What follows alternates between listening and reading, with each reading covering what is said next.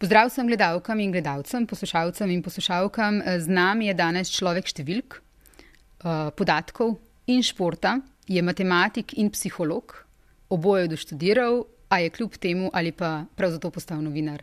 Slavko Jerič, dober dan. Živijo Suzana. En ena podcast Suzano Lovec. Torej, Si novinar javne radio-televizije, konkretno portala MMC in si znan podcaster. Eh, mnogi naši gledalci in poslušalci poznajo tvoja podcasta, številke in eh, športni SOS, oziroma to je portal športni SOS, odmev SOS pa je eh, podcast. Napisal si tudi ogromno kolumen, odgovoril že na. To ne pretiravam, tisoče in tisoče uh, statističnih vprašanj, bralcev in poslušalcev. Kdo ti jih ponavadi pošilja? Ja, tisti, ki se čutijo nagovorjene, se za ta rubrika je bila nenavadna, uh, je nastala ne, zdaj že več kot deset let uh, po olimpijskih igrah v Londonu 2012, uh, ko sem v članke zmeri rec kakšno statistično podatek zraven dodal in mislim, da so potem bralci ugotovili to neko mojo uh, težnjo, mojo zaljubljenost v številke in na službeni imeli čist brez kakšnega javnega poziva je prišlo kakšno vprašanje, dve, tri in pa sem vedno videl tudi, če je karkoli v službi narobe, kakšno napako vidiš, res zelo malo ljudi pokliče, je nagovorjenih. Ne pa sem si rekel, da če je nekaj teh vprašanj, potem najbrž obstaja malo večji interes, da bi se pa ljudje, če bi bili počuteni nagovorjeni, bi se pa obrnili. Tako nekako je ta portal nastal, res, kdo pa sprašuje, pa čisto, čisto različen, uh, se mi zdi, ljudje, tisti, predvsem, ki jih zanima šport in ki ne najdejo teh podatkov na internetu. No. Uh mhm. -huh. Katere uh, vprašanja pa dobiš recimo najpogosteje? Kaj so to uh, za ena vprašanja, ali pa mogoče po drugi strani, katera so te najbolj presenetila do zdaj? Najpogosteje sprašujejo, kaj. Je, to je pa precej vezano na slovenski šport. Zdaj, ko sem rekel, deset let je res ekstremna doba in potem, ko sem večkrat gledal, katera vprašanja so bila najbolj priljubljena, se potem vidi tudi obdobja, v katerih so bili določeni slovenski športniki res izrazito izpostavljeni. Zdaj, če govorim pred desetimi leti, je bilo to seveda Tina Maze njen kristalni globus, tisti njeni rekordi, to so kar vprašanja drževala. Eh, potem leto, dve, tri zatem je sledila tista sezona Petra Prevca in potem je bilo veliko vprašanj o tem. Potem je prišel Luka Dončić, ne, tudi velik hit, veliko vprašanj, zdaj pa smo recimo neki kolesarski eri zaradi Primoža Rogliča in tedaj Pogačara, tako da seveda to govorim za te neke lokalne ekstreme. Seveda pa glede na to, kaj se dogaja aktualno, če so to na prvenstveno nogometu, potem je veliko vprašanj o tem. Uh, glede na dogodek. Zdaj recimo smo dokaj konkretno na MMC spremljali tur, dirko po Franciji, bilo veliko vprašanj o turu in podobno. Uh -huh. A te kdaj kaj preseneti, da rečeš opa, tole pa, to pa si nisem mislil, da bo kdo vprašal? Zdaj, aha, vprašanje. Uh -huh. uh, Pa niti ne tako ekstremno, ker tudi sam veliko premišljujem o športu, pa športnih podatkih. Sem kar imam nek čud, da ko vidim neko številko, ki mi ne navadna, ki nekaj izstopa kar hitro, uh, postanem na njo pozoren. Uh, So pa recimo zanimiva neka vprašanja, neka, prav gotovo sem to že večkrat omenil, ampak je tako klasično vprašanje, ko me ljudje vprašajo, na katero vprašanje pa ne, nimaš odgovora. Ne, uh mhm. -huh. Se mi zdi že tako klasična. Uh, Koliko krat se je zgodilo, da je bilo na uradnih tekmovanjih, ko je zmagal slovenski ali pa slovaški športnik, da so se zmotili pa zaigrali napačno himno. Ne. To je tako zanimiva informacija, za katero težko dobiš informacije, tudi zato, ker je veliko tekmovanj, veliko tega ni zabeleženega, ampak eh, verjamem pa, da je tega vse manj. Uh -huh. um, torej, si novinar za področje športa na RTV-ju, konkretno kot sem rekla na MMC, diplomiral si iz matematike in psihologije. Kako se je zgodila takšna pot, da si pol pristal v novinarstvu, pa tudi te dve stvari, ne? matematika in psihologija, bi se zdelo skoraj nezdružljivo, je res? Ja, ampak imate še z novinarstvom, recimo tisti konkretni, kar mene zanima, imajo eno skupno točko in to so številke. Uh -huh. e, že kot otrok sem zelo rad spremljal šport in ja, sem bil recimo ne samo na športne same dogodke, uh, osredotočen predvsem tudi na številke, na statistiko. In številke same so me vedno zelo zanimale in ja, ko si v osnovni šoli, ko se zanimaš za številke, se vprašaš, kaj bi bila lahko neka študijska pot in je kar. Ja, prišla ta matematika, kar eh, sama po sebi, uh, kot nek logičen odgovor, uh, pri čem recimo se morda niti se dobro preveč pozanimamo za ta študij, ker potem konkretno ta študij je precej težak, uh, ker potem obravnavaš vse te neke abstraktne pojme, relacije in dosti tak. Uh, ne bom rekel metafizičen, kot da bi bil napačen izraz, ampak veliko pojmov med sabo so v relacijah. Ne? Mene so pa vredno bolj konkretno zanimale številke. Ne? In tega je bilo pa presenetljivo veliko tudi v psihologiji, ker pač vemo, vsaka veda znanstvena uporablja veliko statistike, da pride do nekih rezultatov. Uh, in ko sem recimo končal študij matematike, ne, sem bil že kar nekaj časa uh, kot honorarno zaposlen na RTV Slovenije, sem se rekel, jaz tukaj ne bom delal do konca svojih dni. Uh, rad bi še nekaj študij, še nekaj konkretnega bi rad ugriznil in sem premišljal med uh, primerjalno književnostjo in psihologijo in na koncu sem izbral psihologijo in ni mi žal. Mm -hmm. In ni ti žal. Um, pa si predtem kdaj verjel, da boš lahko skombiniral matematiko in novinarstvo, recimo kot jo zdaj kombiniraš? Matematiko in novinarstvo ne. Uh mhm. -huh. Je pa zanimivo, da uh, pred nekaj meseci sem o tem, ker premišljal, ko sem, uh, sem iz fakultete za družbene vede, so me povabili, da sem bil. Uh, da sem pomagal pri predmetu novinarski praktikum, in sem potem premišljal o svojih začetkih, kako sem sam stopil v novinarstvo, in sem gotov, da kot otrok sem imel tako nenavadne želje, uh, da sem želel postati pisatelj. Uh mhm. -huh. Želel sem postati uh, učitelj matematike, uh -huh. pa športnik, tako čisto različne uh -huh. uh, teme, ki med sabo recimo nimajo nekih stičnih točk. In uh, potem sem gotov, da za nazaj, ja, se v bistvu se pa vendar s vsemi temi stvarmi ukvarjam. Povezal se s tem. Ja, recimo, pis, nisem pisatelj, ne sem pa pišem o športu, recimo zdaj že več kot 20 let. Uh, nisem športnik, veliko pa razmišljam, pa pišem o športu. Ne, potem sem gotovo, da tudi, ne, če imaš človek neke sanje, ne, včasih je treba samo malce prizmo spremeniti, pa ti osnovne sanje tudi lahko na nek način dosanjaš. Mm -hmm. Praviš, da si se zaljubil v številke. Um, kaj na njih te tako fascinira? Rad vem, da rad iščeš vzorce, da delaš po vzorcih. Uh, in tudi ta ljubezen do statistike in matematike si, kot si tudi zdaj že povedal, je že zelo zgodaj prišla do tebe. Med drugim, to si že javno povedal, si opozval očeta, ki je izrezoval nogometne lestvice iz časopisov in jih shranjeval. Um, med drugim si tudi že javno povedal, da te je, ti je v življenju najbolj dala misliti prezgodnja očetova smrt. Um, torej, te spremlja v bistvu oče čez celo življenje, če ne drugo, v bistvu preko si nekaj stvari od njega pobral, tudi kar se tiče poklica. Ne? Ja, uh, tudi tako se mi zdi, da je tukaj uh, nezavedno. Ne se on. Uh, ni imel nobene matematične izobrazbe, ampak je tudi imel tak nek čud za številke, pa v naravi. Ne, zdaj, recimo, zdaj, žal se zdaj trenutno nahajamo v času teh neuri, uh, pa držnih pojavov. Ne, on je bil zelo navdušen, moram reči, amaterski vremenoslovec, ampak je beležil vse čas doma temperature, trikrat na dan jih je zabeležil, potem si je izdelal provete, pa na vrtu meru, kakšne padavine, koliko jih je padalo. Okužil svoje sodelavce, da sem mu poročal o teh podatkih. Skratka, recimo, potem tem vidiku, ja, imam nek čut za številke v naravi, neko povezavo. Pa, ko si prej rekla, je številka ja, lepa, je, ampak pač fino je, da ima nek kontekst in ko je v kontekstu, ti potem zna neko zgodbo povedati. In, uh, zato nekdo lahko vidi samo goro številko, recimo, kakšni učenci v šoli morda. Uh, in nimajo radi, ki vidijo samo neke zakomplicirane račune, ampak uh, če imaš pa kot novinar, to dobro vemo, če imaš v zadnjem neke podatke, lahko s temi številkami zgradiš kakšno lepo zgodbo. Uh -huh. uh, pisatelj Paolo Giordano je napisal uh, knjigo Samotnost preštavil. Uh, ne vem, če jo poznaš, ampak um, ta glavni junak noter uh, pravi, da so praštevila tista števila, ki se mu zdijo čudovita. Uh, Imáš tudi ti kakšen poseben odnos do kakšnih številk? Ne, ta uh, knjigo poznam, pa sem si večkrat dal za poletno branje, pa še nisem prebral. Ampak ta, ja, ta praštevila sem pa tudi uh, v eni izmed epizod podkastu tudi uh, se pogovarjal o praštevilih in je res fascinantno, ko gledaš uh, zaporedje nekih v naravi, ki se pojavljajo, ki se skrivajo. Uh, to je ta lepota, kdo bi lahko odmaknil z roko, nekdo pa, ki vidi nekaj, kako se recimo. Spirale potem povečujejo v tem Fibonacci, zaporedje pa to.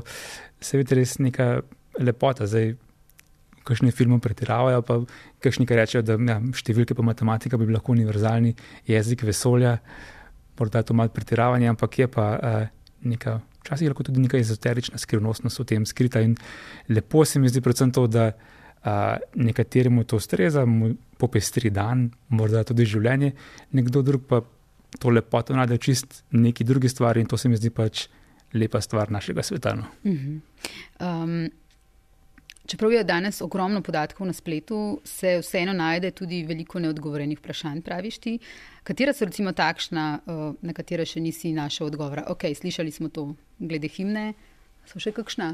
Ja, predvsem je težava v tem, ko ne obstaja neka baza podatkov ali pa nimam dostopa. Recimo, ogromno zanimivih vprašanj, do katerih ne boš nikoli prišel, je v ligi NBA obstajajo številne baze podatkov za vsako tekmo posebej o točki skoko in potem, ko se zgodi, kdo vpraša, ali se je kdaj zgodila neka prosem banalna zanimivost, ne vem, da je dal nekdo 10 točk v isti ekipi 11, 12, 13, 14, 15. Skratka, baze podatkov to obstajajo, ampak če nimaš dostopa do teh baze podatkov, kot ima recimo pri ESPN-u ali pa kakšni drugi uh, novinarski hiši, do tega ne moreš priti in mislim, da mi nikoli ne bo prišlo. Uh, predvsem pa recimo kot ena izmed pomankljivosti svojih, pa opažam recimo v tem času, ko je recimo vse bolj pohoden umetna inteligenca, ne bi bilo fino, če bi znal kakšen računalniški program, ki ti pomaga potem iz teh nekatere baze, ki pa so na voljo javnosti, uh, da bi lahko to uh, v žargonu rečeno postrgal in potem po njih iskal,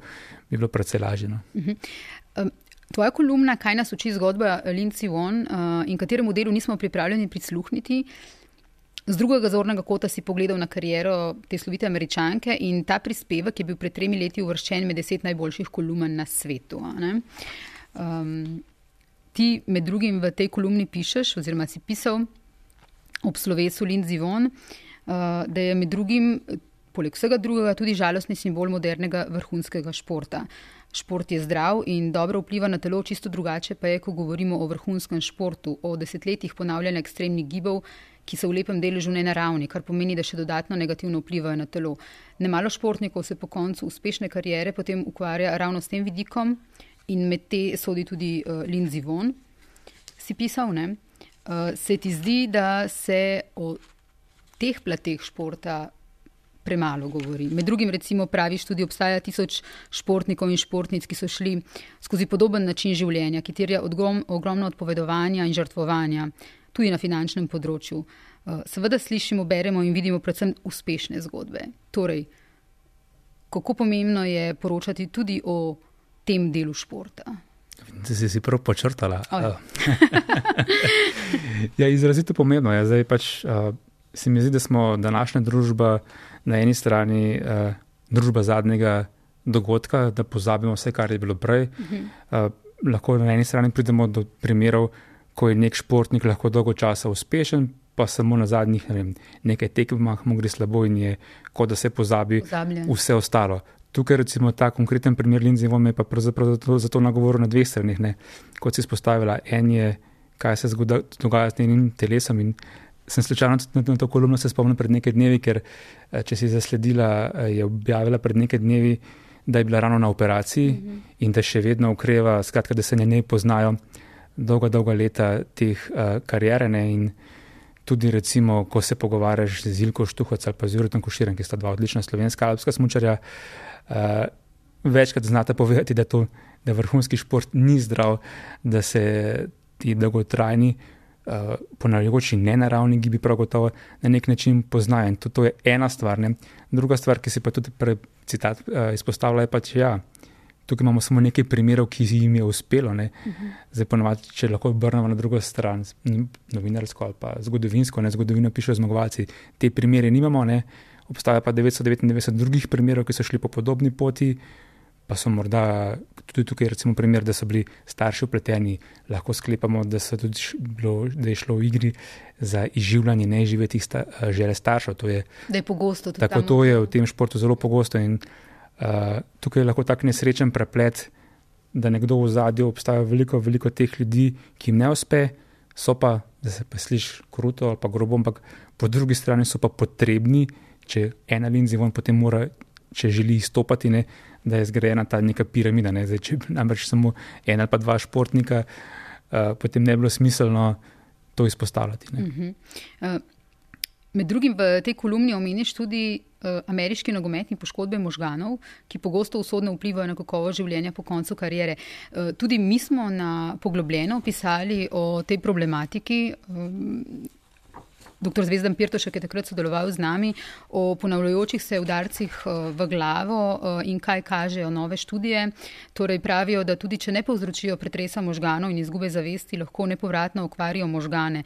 Številni vrhunski športniki zaradi tega umrejo premladi in kot sence samih sebe. Je to, še, to je verjetno še ena od teh zgodb, o katerih ne slišimo, kot ti praviš, slišimo o uspehih, ljudje se palijo na uspehe, novinari se palimo na uspehe, na te zgodbe uspešne.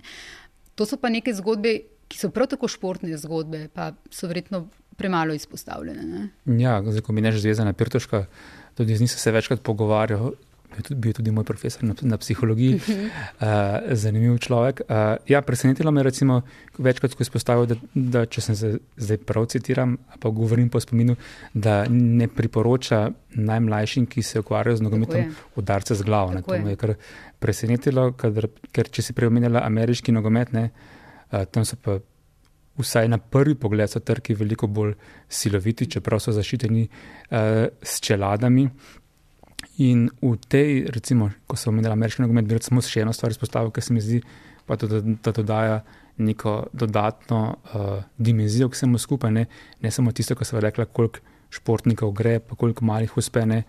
Tam gre veliko krat tudi za nek socialni problem, recimo temnopoltih športnikov, -hmm. ki nekako na svojih plečih uh, čutijo, ne bom rekel, zahtevo, potrebo. Uh, svoje ože ali širše družine, da jim uspe, namreč mhm. tistim peščici, ki uspe, lahko predvsej zaslužijo in potem na tak način tudi posledično rešijo socialno uh, in ekonomsko stisko za kar mhm. nekaj generacij. In če lahko dam še na vrsto, ja. zanimivo se potem tudi raziskave uh, teh športnikov, govorim recimo kot ameriški nogomet in v NBA, ko hitro pridejo do velikega zaslužka, različno je od športa do športa, ampak uh, če se nekaj zakrožim na glavo, tudi do 50 odstotkov teh športnikov po nekaj letih bankrotira. Skratka, to je res široka tema, paleta vseh teh finančnih, zdravstvenih, gladiatorskih uh -huh. uh, dimenzij. Uh -huh.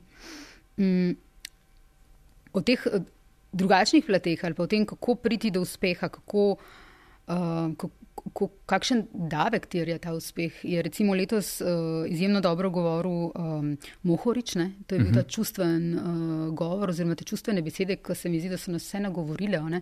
o tem, uh, kako naporni so, kako naporno je kolesarstvo, kaj vse terja od človeka, kaj vse se on sprašuje, takrat, kaj vse mu gre po glavi, koliko tudi psihičnih pritiskov v bistvu je v tem.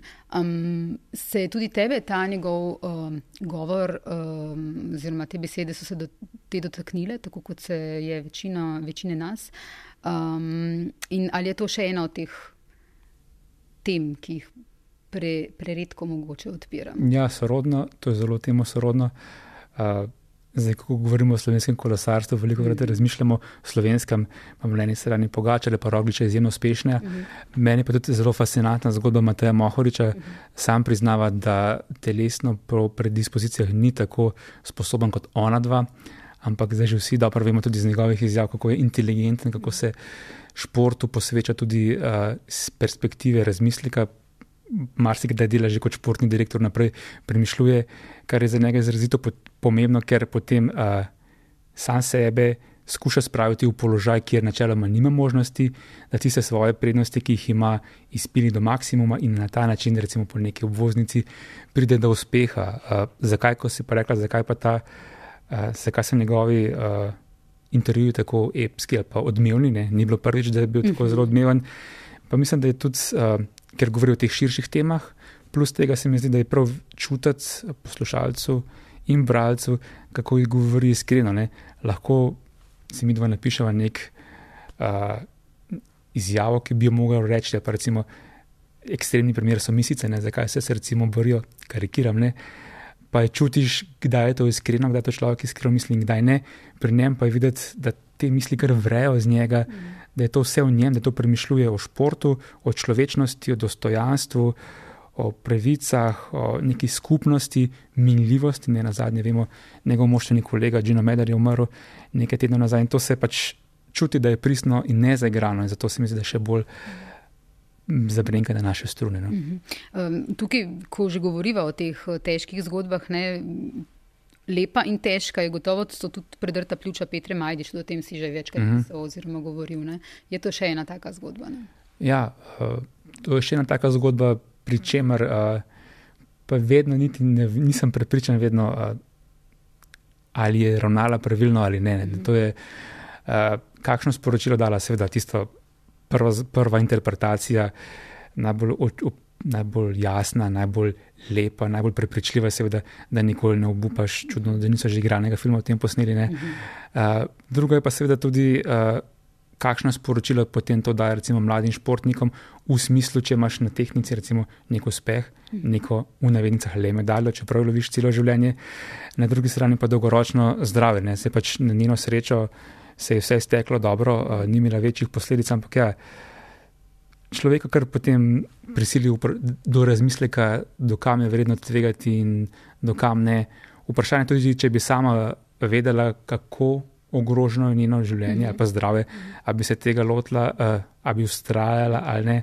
Ampak ja, vse, vsi dobro poznamo te njene zgodbe od kvalifikacij naprej, pa tisti boleči kriki, ki so prišli iz njenih uh, ust, uh, res marsikoga nagovorila, ampak ja počrta pa, to definitivno neka zgodba o vrednosti ustrajanja. No. Ja, uh, skratka, ima ta bron takrat iz uh, olimpijskih iger tudi. Veliko razmislekov zadnjih. Ja, to, to je zgodba o uspehu, ampak ja. tudi še o marsičem. Ampak tudi, recimo, samo še pot, recimo, razlaga, zakaj se je šla morda po taki poti, kot je šla. Ne, uh, ona prihaja iz slovenskega okolja, ki je nekonkurenčno, govorimo o možnostih za material, In 2006, ko so bile olimpijske igre v Italiji, v naši soseščini, je na kratki razdalji že pokazala, da je bila v igri za mandalo, da se je uh, tekaško, da je bila sposobna tega, ampak zaradi materijala tega ji ni bilo usvojeno in je v sozah. Jokala se je, da bi se jokala, vemo, zelo čustven človek je, kar je prav. Uh, in je govorila o tem, zakaj nima uh, primerljivega materijala, s čimer bi lahko posegla po medalji. In potem v treh letih, do 2009, uh, si je nabrala s pomočjo tudi zveze široko ekipo, ki je zagotavljal res dober material. 2-9 je serijsko zmagovala, bila druga svetovna pokala in potem so prišle te olimpijske igre, na katerih je jasno, ni skrivala tega, prišla na olimpijske igre po dve zlati medalji in potem prva tekma, prvo ogrevanje, prvi padec. Jasno je bilo, da so to njene zadnje olimpijske igre. Ja, Se zato nočem biti pameten, nobeno smer, ampak ker ta široka slika ima res nevrjetno veliko nekih zgodbic, ki jih je treba upoštevati. Uh mhm. -huh. Opažaš tudi ti kot športni novinar, da je ženski šport uh, pogosto zapostavljen ali pa uh, manj, uh, manjkrat na naslovnicah kot uh, moški šport. Mi smo tudi en poglobljeno napisali o tem, kako so se v bistvu ženske morale boriti za to, da uh, so na začetku sploh lahko tekmovale, pa zdaj še vedno se borijo in za primerljivo plačilo in tako naprej. Uh, pred časom, ravno pred par tedni, je po svetu zaokrožil ta genialni uh, spot, oglas. Za enega od uh, telekomunikacijskih operaterjev v Franciji, kjer so v bistvu s pomočjo deepfaka najprej gleda gledalec, ne, kako uh, moška reprezentanca francoska v nogometu uh, zmaguje, kriki navdušenja, genialne poteze, srh ti gre po telesu. Pač, uh, Res dol padeš, in potem povejo, ne, niste gledali moške reprezentance, vse to so bile poteze ženskih, ženske reprezentance. Um, in je tako res razgalil um, to neko, kaj pa vem, hipokrizijo Eh, ker eh, raziskave kažejo, da ljudje podobno ocenjujejo um, recimo neke akcije, če ne vejo, ali gre za žensko ali moškega. Opažaš ti kot športni novinar tudi včasih, um, da smo novinari tukaj pristranski? Ja, definitivno. Uh -huh. uh, tudi tem sem se že večkrat ukvarjal, tudi napisal kakšen članek. Zdaj, morda nekaj številk na ključnih, če jih vdajo to zgodbo. Ne. Na eni strani, če gledamo zgodovino olimpijskih iger, delež moških in ženskih tekmovalk. Vemo, na prvih igrah so bili samo moški, in potem skozi več kot uh, stoletje, mislim, da v zadnjih igrah v Tokiu, poletnih, prvič izenačeno razmerje. Torej, vse čas je bila ta rast uh, k izenačenosti, in zdaj smo tam. Uh, potem uh, obstajajo zanimive lestvice plačne. Forbes vedno objavlja zanimive uh, lestvice, koliko zaslužijo športniki, oziroma koliko je v top 50 uh, športnikov in koliko športnic. Kaj misliš, Zana? Ne bi si upala. Ugibaj. Povej mi. Dve. Dve športnici in uh, mislim, da so to za podatke za leto 22 ali pa 21, mislim, da za 22. Uh, to sta dve tenisačici in obe upokojeni oziroma začasno uh, na pauzi. Ena je Serena Williams, vemo, ikona tenisa in ženskega športa in uh, Naomi Osaka, ki je šla na porodniški dopust. Uh, skratka, ne, uh, tudi v tem ja, je neenakopravnost, po drugi strani pa tudi to kaže primer, da športi, kjer pa so recimo uh, ženski šport, je na nek način, pa se bo zdaj morda grdo slišalo, mal navezan na moškega, ne, da ima pozitivne koristi. Ne. Nekaj teniških turnirjev poteka sočasno moških in ženskih in mislim, da tega bo v prihodnosti še več in prav gotovo s tem dobijo nove publiko. Ne na zadnje tudi. Da se popularizira. Tako. Uh -huh. Tudi recimo smučarski skoki bodo v prihodnosti vse več tekem na istih uh -huh. prizoriščih, biatlon ne na zadnje tako poteka in to je uh, korak v to smer. Uh, kar pa se tiče uh, ženskega športa, pa še en tak zanimiv uh, pogled, ne, uh, ko sem mislim, več kot deset let nazaj pisal članek o tem, uh, razmerje je vedno pač predvsej korist, uh, odstotek piše o moških, uh mhm. -huh. razen izjema so olimpijske igre, ampak ta redek odstotek, ko je bil predvsem pred leti, ne, od tega pa še veliko del odstotka, v tem je šel recimo neke bizarne športe, kot je recimo uh, LFL, uh, ameriški nogomet v uh, spodnjem perilu za ženske in podobne. Skratka, ali pa ko se izpostavlja recimo odbojka na Milki, se pogosto izpostavlja zaradi kopalk in ne zaradi tehničnih znanj. Skratka, je nekaj hipokrizije v zadju. Ja, ja, seksizem tudi. Ja. Seksizmu, ja. Um, ti si napisal tudi knjigo, Čista desetka. Športnim novinarstvom se ukvarjam vse življenje, pišeš noter v vodu. Drugič v tem podkastu citiraš ta zdaj. Tako, res je. res je. In uh, lahko poveš, kdaj sem prvič to citirala? Ko je bil na tem stolu Martin Pavčnik. Tako je, Martin ja. Pavčnik, uh, naš urednik spletnega športkluba. Uh, tisti, ki gledate tale podcast ali pa poslušate, toplo priporočam um, tudi tisti podcast z Martinom Pavčnikom. Uh, Martin je takrat rekel, um, in to je tudi naslov tega članka, um, da smo zaradi Dončiča in Dragiča vsi boljši. Uh, tukaj bi kar se navezala na to, uh, torej ne samo zaradi njih, tudi zaradi vseh drugih uh, športnih uspehov, uh, uspehov športnic. Uh, Nas, nas vse delajo boljše, tako je on rekel. Uh, ker takrat uh, se res povežemo in vzamemo od teh športnikov, ki so nekaj dosegli, um, res tiste te najboljše stvari. Um, on je dobro opisal tudi uh, to, kako sta se ona dva povezala, kako sta en drugemu pomagala. Skratka, športniki in športni uspehi nas lahko delajo tudi res vse nas, tudi tiste, ki smo, nismo športniki ali pa tudi rekreativno športnike, v bistvu uh, celotno družbo boljšo, če vzamemo. Ja, ampak če da še na dvojco, pa se recimo navežemo na ono misel na začetku, hitro, neko smo de, uh, družba zadnjega trenutka, ne, tudi Dončiču vedno nagrade. Eh, tudi ima slabe tekme, recimo v Ameriki, sploh ker je dolga sezona in hitro znajo priti kritiki na plan, uh, sploh v Dallasu, ne, da je pretirano zdaj, da je glavni krivec, da se je sezona Dallasa iztekla, kot se je. Skratka, Uh, zavedati se treba imeti spet širšo sliko uh, in se zavedati teh lepih zgodb, in ne potem samo misliti na zadnji poraz. Uh -huh. uh, v, tem, skratka, v tej knjigi pišeš, kaj je torej šport. V medijih se najpogosteje predstavlja kot arena, v kateri potekajo boji za najvišja mesta, ki jih spremljajo številni gledalci, pogum pa jim dajo sponzorji in mediji. A prepričan sem, da je šport v resnici precej več, navdih, upanje in družbeno gibalo. Sej to je to, kar ja, smo govorili zdaj. Točno to. Um, ti si kar torej hiperproduktiven, vse, kar sem prej naštela na začetku, kaj delaš, um, športni SOS, številke, podcasti, uh, odgovarjaš na številna vprašanja, uh, knjiga in tako naprej. Torej, ob tej hiperprodukciji, kako doseči, da se ti ne dogajajo napake, ker operiraš s toliko številkami, uh, s toliko podatki? Prav gotovo se napake dogajajo, si imamo tudi prijave napake, ampak če so zdaj na nivoju novic, uh, pa številk, no, pardon, številk. Uh mhm. -huh. Pa statistike se mi pa zdi, da jih je res zelo, zelo malo, če so, so bolj te slovnične, pa za tipki, uh, ker grem jaz recimo skozi preden nek številski članek, objavljam grem večkrat skozi uh, podatke in se res redko, redko zgodi. Uh, zaenkrat, da bi se pojavile. Ja, to mi je zelo pomembno. Uh -huh. uh, vse pa seveda, vsakemu se dogaja. Tudi v tem pogovoru so zagotovo tudi ti, pa jaz sem se kaj zmotila, kakšen podatek. Tako da to je uh, zavedanje tega, teh lastnih napak, se mi zdi, da je pomembno.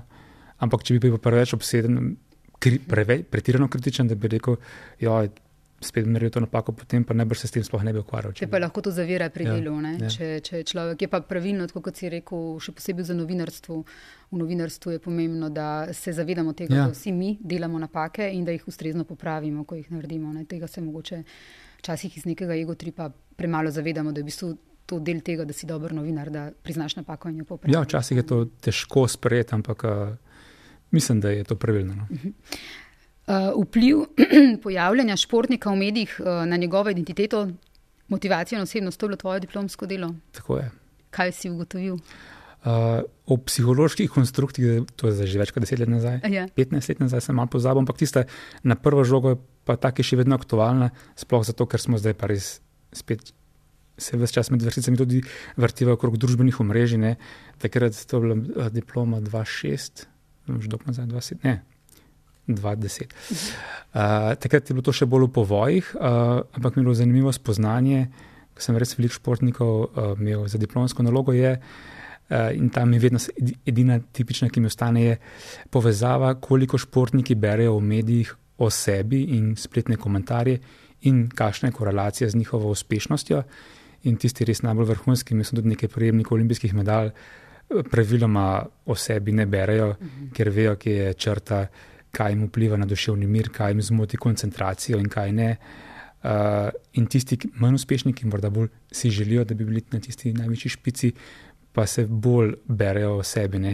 Recimo tak izrazit primer, ki se je potem zgodil zadnje leta, Jako Fak, če se spomniš, ko je bil izbran za nosilca olimpijske medalje, uh, medalje zastave, uh, kar res velik pogrom. Uh, Nekaterih nacionalistov.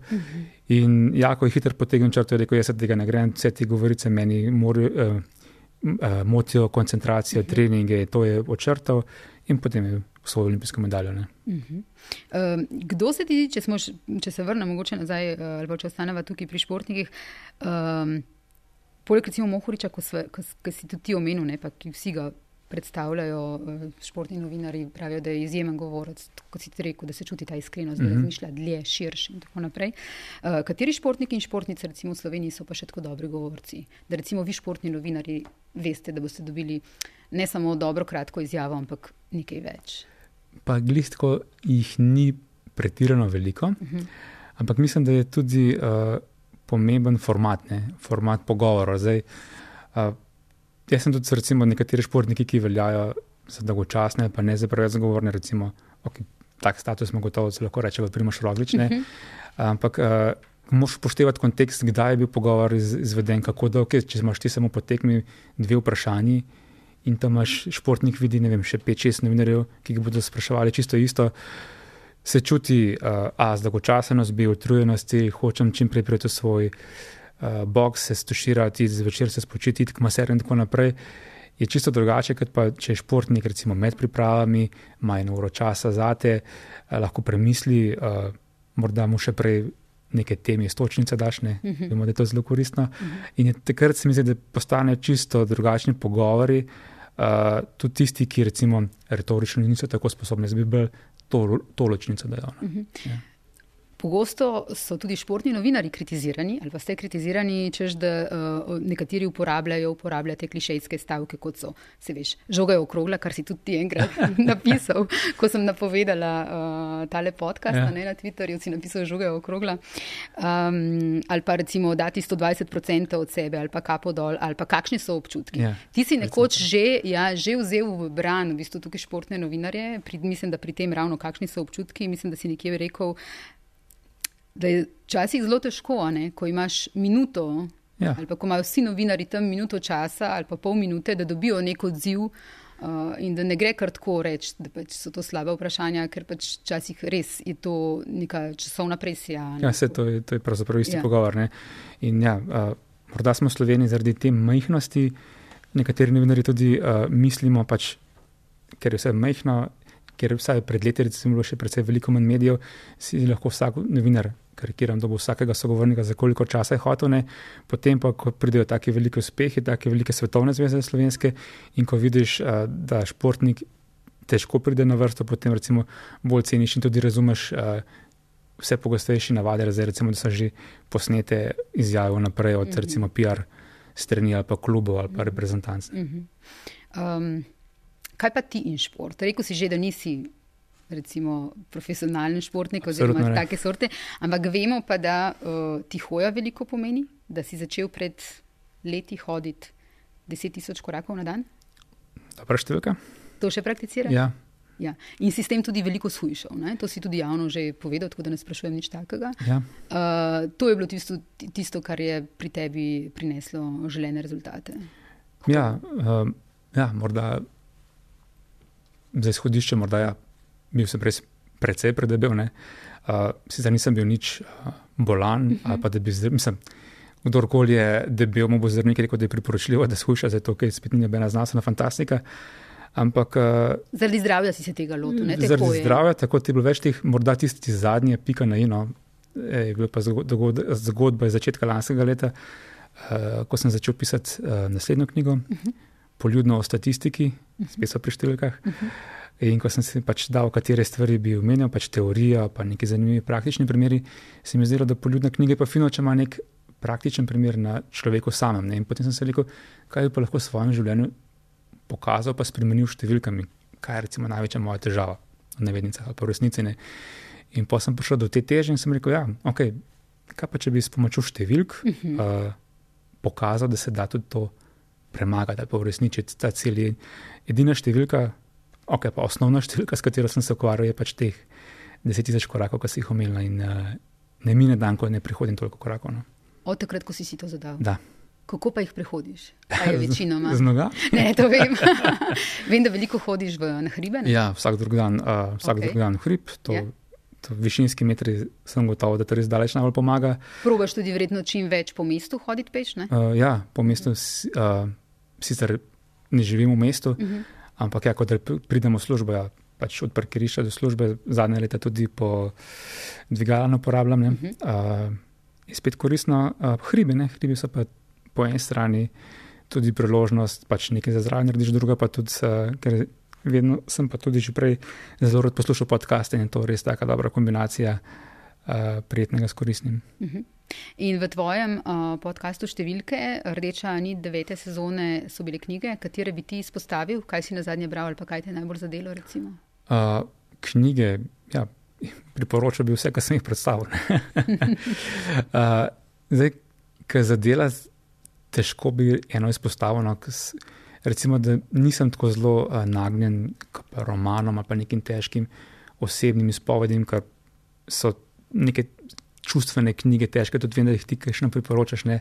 Takih ne berem veliko, pa ne da ne bi hotel, ampak ne vem, od vse so mi bile take bolj všeč stvarne, neke ne Poljudne? vem, poljudne, take, te so mi bile zelo blizu. Recimo ena edina, ki lahko iz srednje oči izpostavil, ki je recimo tudi dokaj spremenila moje življenje, je od Nasima Taleba, od uh, filozofa uh, Črnila Botne. On se je tudi matematik in se ogromno ukvarja s številkami. In ko sem to knjigo prebral, mislim, da se tudi to bil en izmed korakov, da sem precej več pa sistematično začel uporabljati pri svojem delu.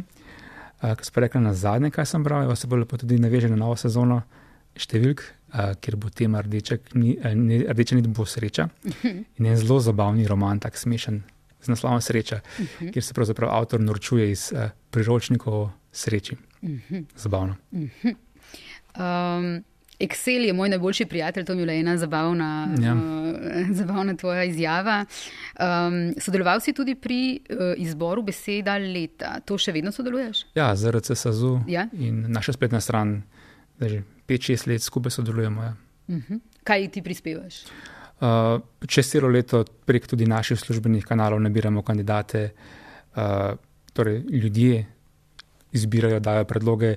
Vsako leto se potem zbere približno 300 besed in potem strokovna komisija, v kateri so člani ZRC SAZU-ja, jaz kot predstavnik medijev, potem uh, nekako zberemo 10 besed finalistk, ki so recimo po našem mnenju najbolj zaznamovale uh, zadnje leto in potem Ljudje glasujejo. tako je.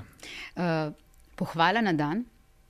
Ključnik pohvala na dan. Mislim, da si ti prvi uvedel ta ključnik na Twitterju, Ja, ja, oziroma vse tako veljaš za uh, kako, izumitelja te, No. te, te pohvale na dan, ki, pa, ki pa je nekako se razširil. Ljudje dejansko uporabljajo, ko želijo nekaj, recimo na Twitterju, pohvaliti, uh, ključnik pohvale na dan. Mogoče mnogi niti ne vejo, da si ti bil uh, prvi, ki si to začel. Vsekakor se je razširilo in pohvalno, ne, ker. Uh, zelo pogosto, tako kot si sva prej govorila pri športu, ko pozabljamo na neke drugačne plati, temne plati ali pa v bistvu te vsakdanje plati, tako tudi pozabimo v vsakdanjem življenju um, pohvaliti. Ne? Nismo več vajeni hvaliti. Um, ti jo kar pogosto uporabljaš, tudi retvitaš ljudi, ki. Uh, oziroma, repostaš, kot se reče po novem. Uh, repostaš ljudi. Reiks. Re, reiksaš ljudi, uh, ki, ki dajo neko pohvalo. Zakaj si ti, zakaj v bistvu si začel to, oziroma kaj se ti zdi vredno reči ob tem? Ja, morda je ključno izhodišče to, da največ službenega časa na družbenih mrežah, pa najbrž tudi zasebnih, žal, eh, preživi na tem kanalu. In ja, zdaj, da ima oba, najbrž občutek, pa nek kar pravilen občutek, po kakšni poti je šel, recimo ta konkreten eh, družbeno, družbeni kanal, eh, recimo, da je zelo postal toksičen, zelo napadalen, mm. Zelo negativen, ti nekaj narediš, nekaj, nekaj, kar je recimo šala, nekaj pa kar ljudje res mislijo. In Mhm. tega je res vse več in se mi zdi, uh, ne, ne rekel, da je pač to narobe. Mhm. Če se ljudje tako počutijo, ne, ampak ustvarja neko toksično klimo, kot da je vse narobe, in se spregledajo tudi pozitivne, lepe stvari, nekaj, ki so lahko čist banalne. Ne. Veliko krat, recimo, ljudje, pa res se sliši banalno, pa človeku pomagaš samo s pol evra. Veliko krat ljudi omenjajo, da je nek, nekdo zapeljal ven iz parkirišča, pa ima listek še za pol ure, pa da drugemu človeku res Polepšaš dan. polepšaš dan, take res male podrobnosti. Predvsem se mi zdi bistveno, da ljudje tega ne pričakujejo in potem, ko to dobijo, neko drobno pozornost, lahko samo na smeh pa pomaga človeku. No. In se mi zdi, da skupaj potem ustvarjamo neko klimo, v kateri vsi želimo biti. Vse se tudi, če pogledaš, da se mi zdi zelo dobra paralela družbenih omrežij. Ko pomisliš na vse kritike, pa kletvice, pa ne vem kaj vse, a bi ti to človek povedal v živo. Ne bi, ja. Najbrž te ne bi- Večina ljudi bi ne Večina videla ljudi ne bi, če pa ti bi, pa ne bi hotel biti v takem okolju. Ne. Bi hotel biti v nekem okolju, ki je prijetno, pozitivno. Sej, seveda, da ne bo kdo mislil, da verjamem, da so vse posod rožce, pa da je vse posod lepo, pa da ni slabih stvari v življenju, ampak zakaj ne bi tudi kdaj izpostavili kakšne take pozitivne stvari. Ne. In to je v zadju tega. Ne. Del tvoje zgodbe je tudi to, to si javno že povedal, da preden si začel snemati podkaste in tvoj glas je pač znan, eh, da si tudi jecljal. Kako si to odpravil? In je to še ena od teh zgodb, v bistvu vse se da, kako si rekel na začetku, um, kar se človek nameni, oziroma lahko treba je verjeti v to, da nam Ja, nekaj s- rata. ni bilo, niti ni bilo, uh, kot prvo, ni bila tako ekstremna težava, uh -huh. da bi uh, potreboval kakšnega lingvista oziroma uh -huh. logopeda. Pardon, uh -huh. logopeda. Čeprav sem bil kot zelo majhen, sem bil, ampak uh, ni bilo nobene namenske, se je kar ta prestop se je zgodil. Samo od sebe? Uh, Predvsej, ja, ampak ja, še vedno vidim, hitro zapadem kaj takega, če hočem kaj v redakciji povedati, ali pa tudi doma, uh, hitro lahko zapademo v to veslanje, tako da malo zavestno pa moram še vendarle Uh -huh. delati na tem. Ampak ja, se mi zdi pa to prednost podcasta v tem. Ne. Že kot otrok recimo, sem razmišljal o tem, da bi bilo fino delati na radiju, ampak uh -huh. nikoli v življenju ne bi prišel skozi to šolo. Ne. Podcasti pa si misli, mislim, da so to malo demokratizirali in dali možnost tudi tistim, ki morda niso tako zelo sposobni glasovno, ampak Ki imamo pa neko. nismo, nismo, ki nismo perfektni uh, glasovno. Ne? Tako, zate ne bom več rekel, Ja, ampak, re, rečem, kar je zase. Ja. ampak ja, fino je, da obstaja taka možnost. Mhm. Ne. Ja. Uh, ti imaš dva otroka, česa jo bolj učiš? Uh, Športa, novinarstva ali matematike? Da, ljubezen do števila. Uh, Prenašaš to ljubezen? Ja, pa čist, čist ne hote, ne hote. Uh, sin se mi zdi, da je tudi zelo uh, kratko intuitivno uh -huh. neka pravila vidi, uh, številska, morda še kaj namigne in potem takoj naprej uh, sklepa potem in zelo rad se mi zdi, nekaj je tudi na teh genih, se mi zdi, da mora biti. ne, Ja. Uh -huh. A se spomniš, uh, na zadnje, ko si sprašval svoje poslušalce oziroma bralce, um, naj postavijo kakšno vprašanje? Sem ti jaz postavila vprašanje, koliko je športov. Aha. A mogoče že veš, koliko je športov? Eden od uporabnikov Twitterja nam je potem napisal, da naj najprej definirava, kaj je šport.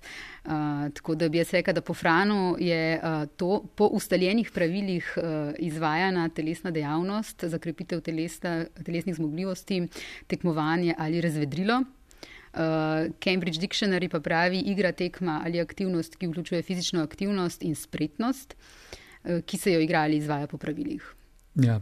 A bova tukaj ostala brez odgovora? Ne, uh, Ne? a bi dala samo noter, recimo, lahko kaj je ta definicija, recimo skriva pastine. Uh, veliko se govori o olimpijskih igrah, ne, ni uh, skrita želja marsikatere industrije, da bi e-igre prišle noter, ne, ali zdaj štejemo ali ne. Mislim, da je Janas predvsem na to mislil poslušalec, bralec.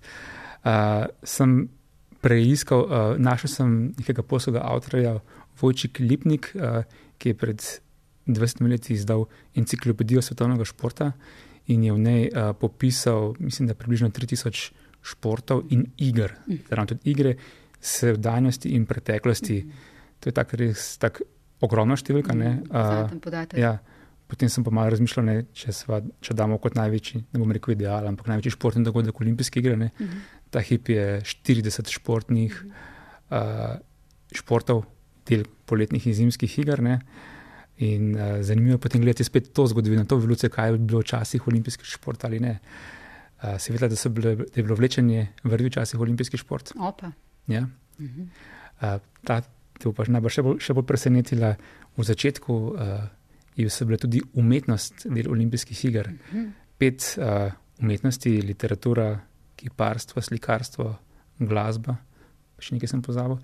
Glavno je bilo del olimpijskih iger na željo pje, uh, ustanovitelja Pera de Kupertena. Uh, in potem, hecno ne, potem po koncu druge svetovne vojne je to šlo izven olimpijske družine, ker so bili mišljeni umetniki kot profesionalci. Današnji profesionalni šport pa se je takrat povezal z amaterizmom. Ne, res. Skratka, samo stoletje pa se vidi, recimo, kaj eh, ljudje tretirajo nekoč Kot kot šport. šport in kot kaj ne. ne. Mhm. Kako se to spremenja? Za zaključek, Slavko, kateri trenutek ti je bil tebi zate, recimo letos, da trenu, trenutek v, v športu? Meni se je recimo zdela to, ta športna poteza hrvaškega atleta Dina Bošnjaka, ki je zelo nesebično pomagal slovenskemu tekaču Vido Butolinu. Imaš tudi ti kakšen tak? Ja. Tudi v tej knjigi, ki se je premenila, omenjam Fairplay, ki se mi zdi zelo pomemben, ampak ki si je rekla, en trenutek v slovenskem športu letos, ja, brez dvoma, Rogličeva verigano, brez tega. Uh, ta je res, ti se na prvo žogo, pa res mislim, da se je predvsej dotaknila naše države. No. Mhm. Hvala, Slavko, hvala, da si bil moj gost, hvala, da si prišel v NN podcast. Hvala za povabilo. Dobro delaš še naprej številkami, poslušali te bomo um, in te brali. Uh, sem gledalcem in gledalkam, poslušalcem in poslušalkam, pa tudi hvala lepa za pozornost. Uh, upamo, da bo ta podcast v teh uh, sicer težkih dneh, zaznamovanih, uh, z dežjem in poplavami, uh, vse komu prinesel mogoče kakšne bolj uh, sproščene trenutke. Ja, vse dobro vsem poslušalcem in gledalcem. Tako je, vse dobro. Hvala, Slavko. Hvala tebi. thank you